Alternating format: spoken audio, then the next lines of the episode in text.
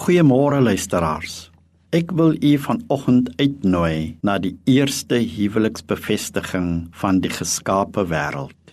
Hier ontmoet ons God, die Skepper en Adam die mens. Hulle is saam in hierdie pragtige tuin.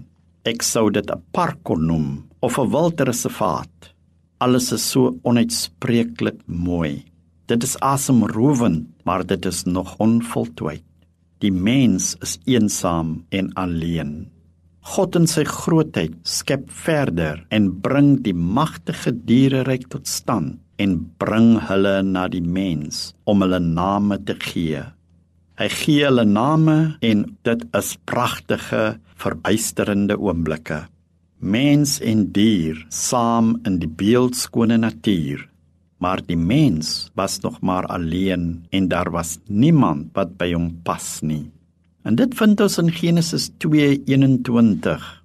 Maar die Skepper gaan voort en vanuit homself kom hier die absolute skepingsgedagtes en beelde en dit word omgesit in werklikhede.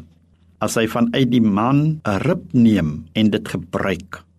Dit is asof die hemel asem ophou om nou te sien wat gaan die Almagtige voortbring en daaruit formeer hy na sy eie beeld die mees wonderlike skepsel. Hy neem maar na die mens en dit is sommer nommer pas.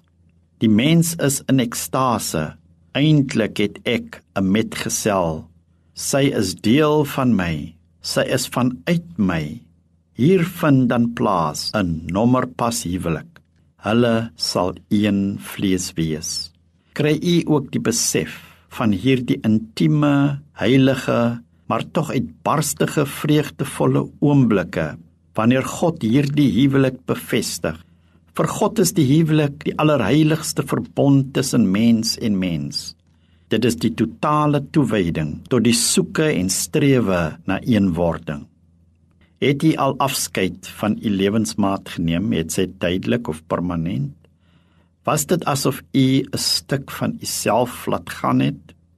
Hulle sal een vlees word. Met dit gee God ons 'n kykie van wat dit behels om met hom een te word. Die huwelik is die spieël van ons verhouding met God en so word ons verhouding met God die spieël van ons huwelik. Die liefde is die sement wat die huwelik bind. Kyk weer vanoggend, vandag na u huweliksmaat en sien die wonder van God se skepping. Amen.